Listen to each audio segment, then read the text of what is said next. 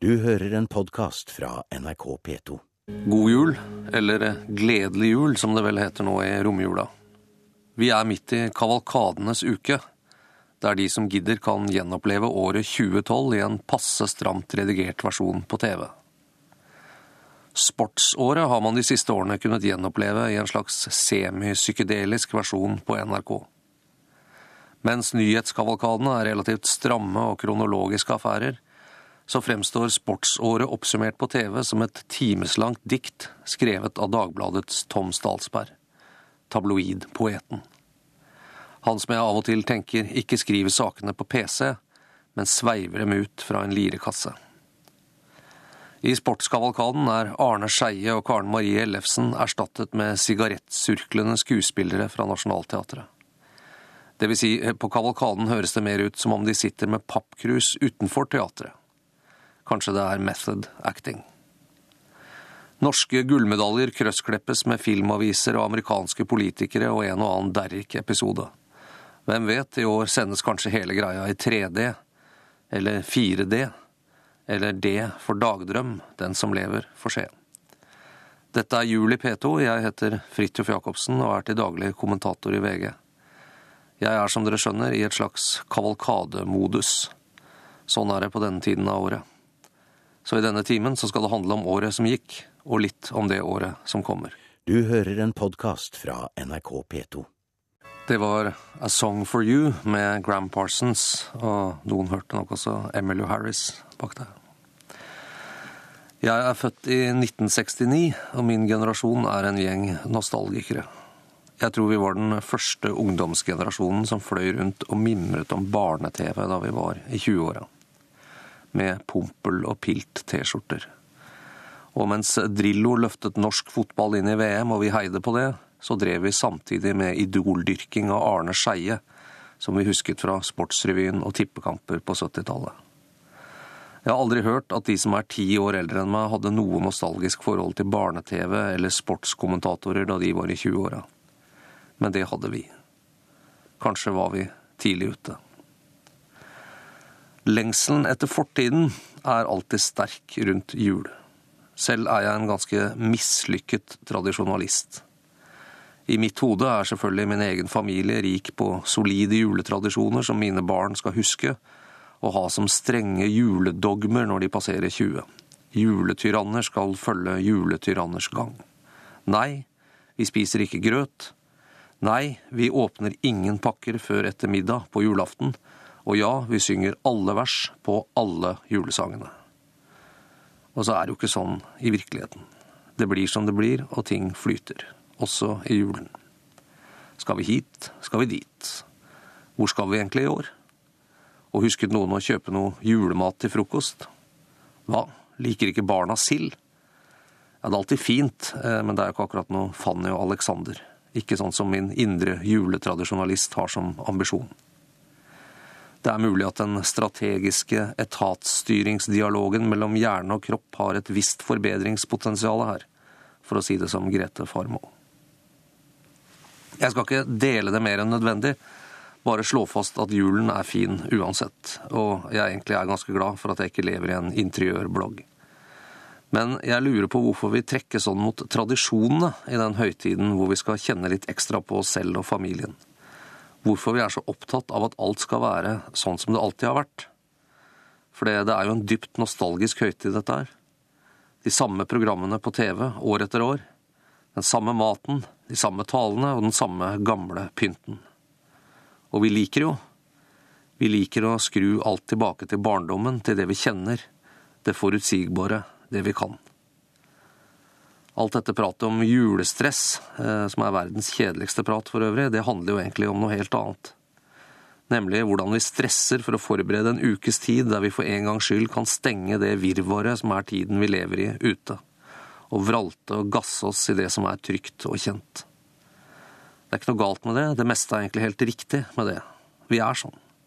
Og det er heller ikke noe norsk fenomen. Når vi skal ha fri, så vil vi tilbake i tid til noe som er mindre komplisert, noe som gjør at det freser litt mindre i hodet. Og for oss som var juvenile nostalgikere, så passer jo julen perfekt. Men hva er det vi flykter fra der vi sitter og knekker en paranøtt med et ironisk smil? Eller spiser sylte?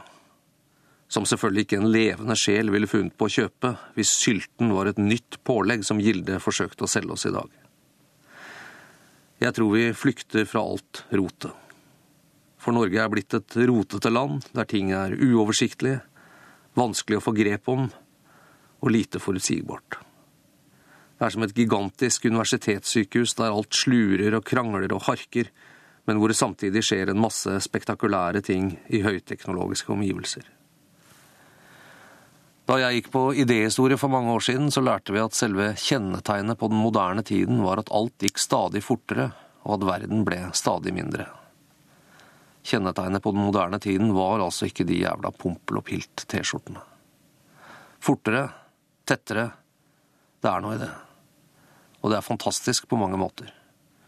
4000-5000 tusenlapper for en flybillett, og du er i Asia. En verden hvor snart halvparten snakker engelsk og kan kommunisere med hverandre. Men det er også ekstremt mye rot. Nye folkegrupper som kommer inn og ser pakistansk TV på parabol og er annerledes. Nabolag og bydeler som skifter ut hele befolkningssammensetningen på et tiår eller to. Røtter som nesten ikke rekker å smake på jorda før de rykkes opp.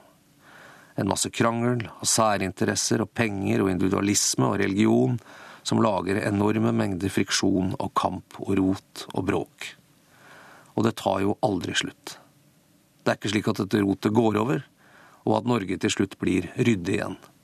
Det kommer bare til å bli mer og mer og mer. Så alle kan få lyst på sylte innimellom.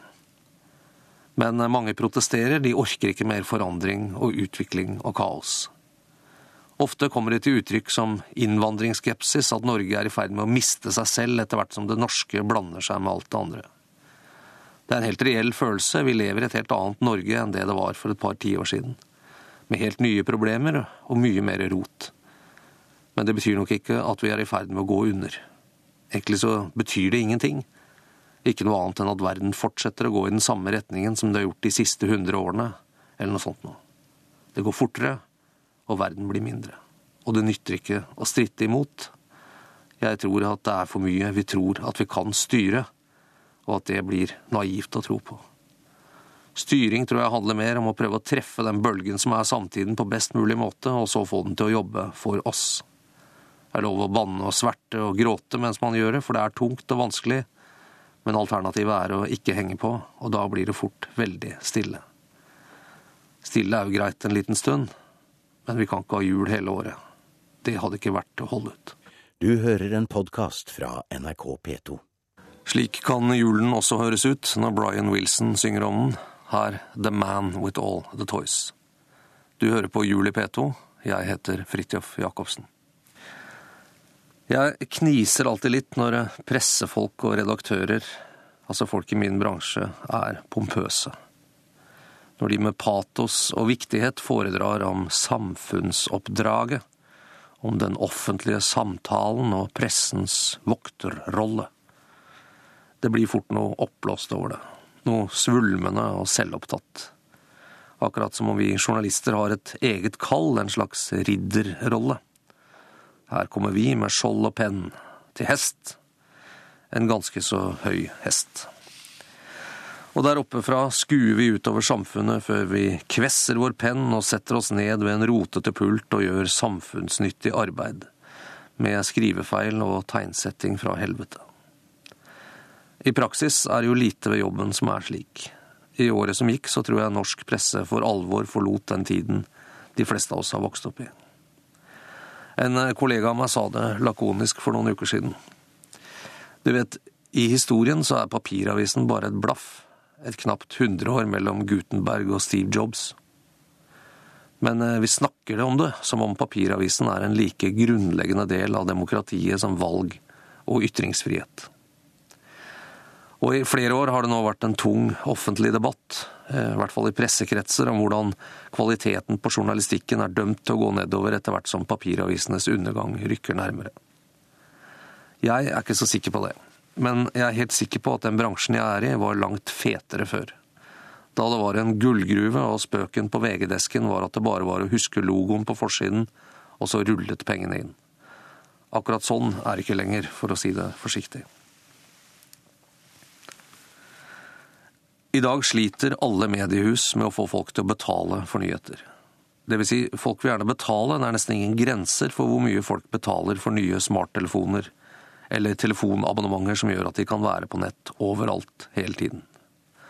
Folk betaler til og med flere tusen for å ha iPhonen på internett i utlandet, sånn at de kan sjekke Facebook og se på yr.no og se hvor dårlig været er hjemme, og lese nyheter fra VG. Folk betaler omtrent hva som helst til Telenor eller NetCom for å kunne bruke smarttelefonen overalt, men de gidder ikke å betale én krone til oss som lager alt innholdet. Og uten innhold er internett triste saker.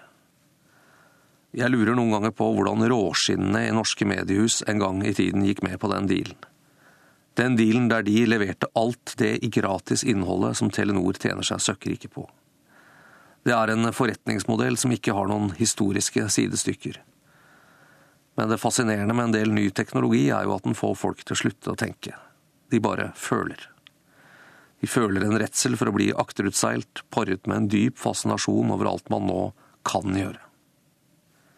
Det er lett å miste hodet, og det var nok lettere å skjønne hva journalistikk var da du hadde en bunke hvite sider i et gitt format som skulle fylles med tekst og bilder. Det er sært å tenke på at jeg sannsynligvis opplever å være med på å gi ut den siste utgaven av VG på papir.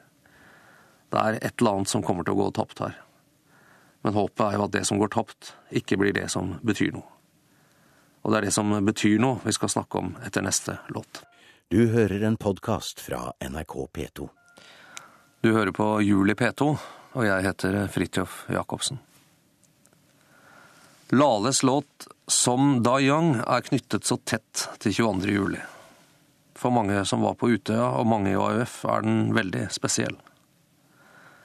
Jeg grøsser fortsatt litt når jeg hører den låta, for den får meg til å tenke på hva 22. juli egentlig var. En ufattelig vold og brutalitet som i noen korte timer drepte og såret så mange. Det gjør vondt å være nær dette, selv for oss som var langt unna det som skjedde, både fysisk og mentalt. Det er i de øyeblikkene der man får et ørlite inntrykk av all volden og døden, av skrekken, av smerten, som ofrene til Breivik opplevde i de timene. Det er akkurat i de øyeblikkene det skjærer sånn i brystet. For meg er det en helt fysisk følelse. En kollega sa til meg bare noen uker etter det som hadde skjedd, at 22. juli var den største saken vi kom til å dekke i hele vårt liv som journalister. Og nå lurer jeg på om vi har klart å gjøre det skikkelig. Om vi har det som skal til, de evnene og den forståelsen og de grunnleggende forutsetningene som må til for å oppdage og fortelle folk de riktige tingene om 22. juli. Det som kanskje kan gjøre en forskjell. 22. juli er selvfølgelig en konkret hendelse, eller heller en rekke av hendelser som man kan forsøke å fortelle om med vanlige journalistiske metoder. Snakke med dem som opplevde det, skaffe bilder, videoer, og fortelle hva det var som skjedde, så sant som mulig. Og selv nøkterne fortellinger om dette, uten bruk av mange virkemidler, blir nesten uutholdelig sterke. Sist NRK Brennpunkts dokumentar om 22. juli, som ble vist i november i år. Hvis vi får det på plass inn i de konfliktlinjene vi kjenner. I politikk, i forvaltning, i samfunnet ellers. Hvis vi får det som skjedde 22. juli til å henge sammen med det vi visste om Norge på forhånd, de fortellingene vi hadde allerede, så kan vi vel klare å få all jævelskapen til å henge på greip på et vis.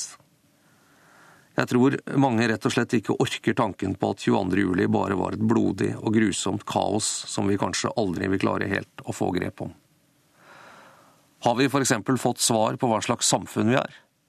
Samfunnet som endte med å produsere en massemorder som Anders Behring Breivik. Har vi lett nok etter svar på det? Altså skikkelige svar, ikke bare teorier som får Breivik til å passe inn langs de konfliktlinjene vi kjente.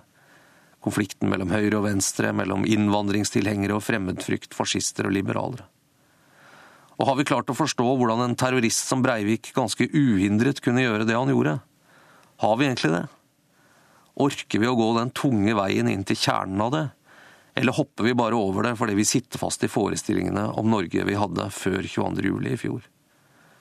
Klarer vi egentlig å lære noe av dette? Klarer vi å bli et bedre samfunn? Eller blir det slik at 22. juli ikke egentlig forandrer noe særlig i Norge? Bortsett fra hos dem som har fått forandret alt. De som var der, på Utøya og i regjeringskvartalet, de som mistet noen. De som ikke har noe valg, som ikke har noe sted å gå, som må forholde seg til det som virkelig skjedde, hver eneste dag. Og hvis vi ikke klarer å lære noe av det, hvis vi ikke orker eller klarer eller gidder å forstå 22. juli, med alt det innebærer av usikkerhet og tvil og frykt, da må jo en av grunnene være at vi i pressen ikke klarer å gjøre det vi skal, tenker jeg. At ikke vi makter å gjøre samfunnet interessert nok i å lete etter svar og forståelse. Og hvis vi ikke klarer det, er vi da egentlig verdt noe? Er det ikke nettopp hendelser som 22. juli som er grunnen til at journalister og pressen av og til med et snev av rett kan snakke om at den har en viktig rolle? For vi er nødt til å prøve å forstå, selv om det er vanskelig, selv om det utfordrer mange av de forestillingene vi har om Norge, og selv om det å lete etter den forståelsen er å stirre inn i et svart og skremmende kaos. Du hører en podkast fra NRK P2. Du hører på Juli P2 med Fridtjof Jacobsen. The First Cut Is The Deepest med Rod Stewart, som vi hørte her, er fra 1976. Omtrent da Sex Pistols ble til. Helt i begynnelsen av den tiden som skulle bli punken som feide et helt sosialdemokrati av banen i England, og erstattet det med Margaret Thatcher. Litt morsomt, akkurat det. I Norge kom det et par år senere, men også vi fikk et ganske bredt folkelig oppgjør med den sosialdemokratiske makteliten som hadde vært det tyngste styringsmiljøet i Norge siden krigen. Willoch og Norvik tok makten i 1981, og på bilene i Bærum sto det 'Bli kvitta' i bakrutene.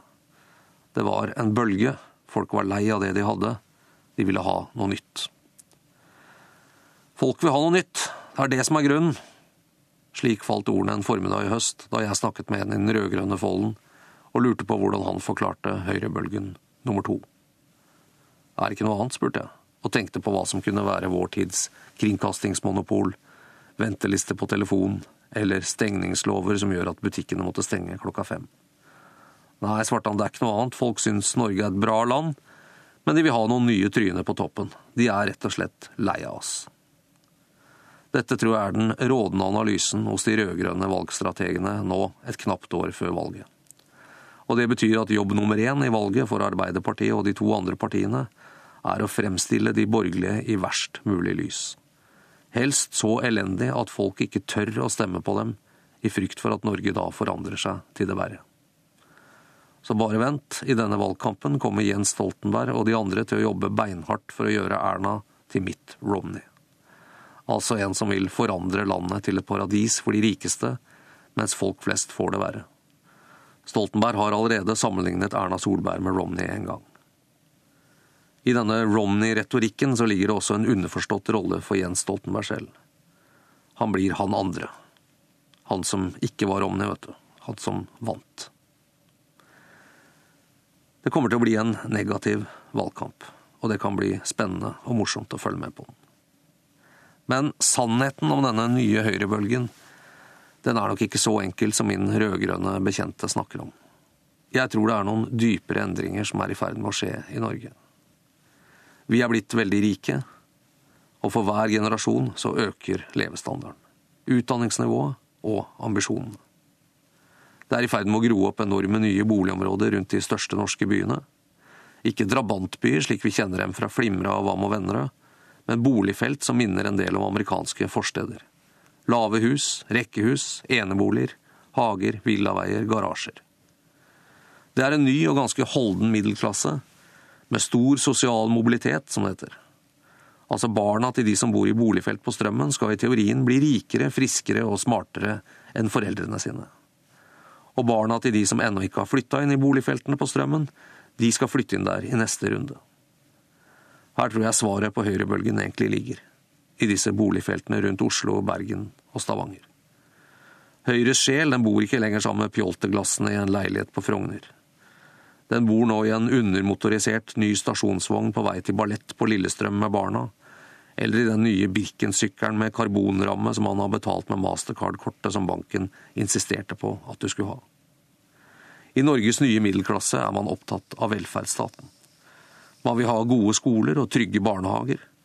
Og så er man livredd for høy rente, fordi man selvfølgelig lånte litt mer enn det man egentlig ville for å kjøpe huset og bilen.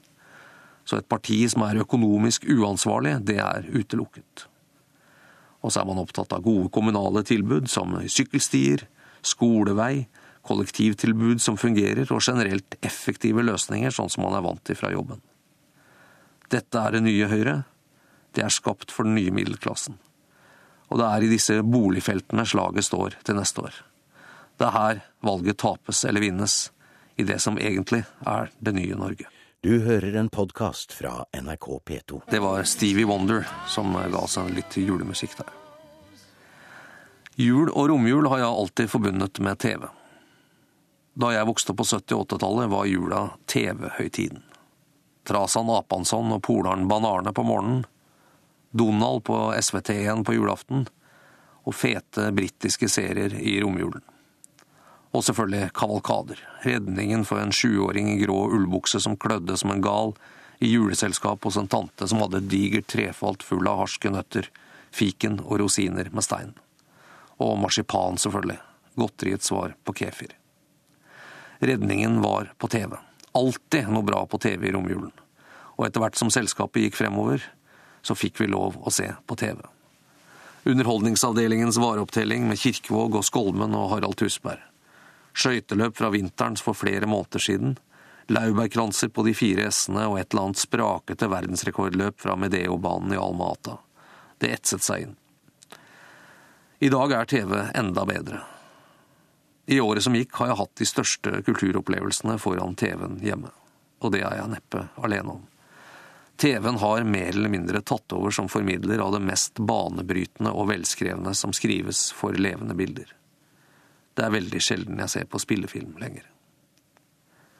I år har det vært TV-serien Borgen, det danske politiske dramaet som er akkurat realistisk nok til at yrkesskadde folk som meg selv syns det funker, og akkurat overdrevet nok til at det blir spennende. Så har det vært Homeland, paranoia-spion-terrorserien fra USA, velspilt og velskrevet, og med rødhårede Damien Lewis i hovedrollen, en gigant av en britisk skuespiller som helt sikkert kunne spilt Shakespeare på de fornemste scener i London hele året eller i fete britiske filmer, men som også velger amerikanske TV-serier som sitt arbeidssted. Det ble ny sesong av Mad Men også, sesong nummer fem. Mad Men har fått norske menn til å gå med smale slips og trange dresser, men akkurat det kan man tilgi serien. Den er fortsatt en herlig miks av mennesker på sitt mest smålige, i ekstremt estetiske omgivelser i New York på 60-tallet. Og så har det vært den på alle måter fantastiske serien Boss fra Chicago med Kelsey Grammer som dødssyk borgermester. En mørk og kompleks TV-serie som handler om makt og svik og motiver og drifter. I beste Shakespeare-ånd, egentlig. Veldig mange av de nye TV-seriene er jo nettopp tungt inspirert av Shakespeare. Ingen mer enn selve alfaserien i dette beitet, nemlig Sopranos.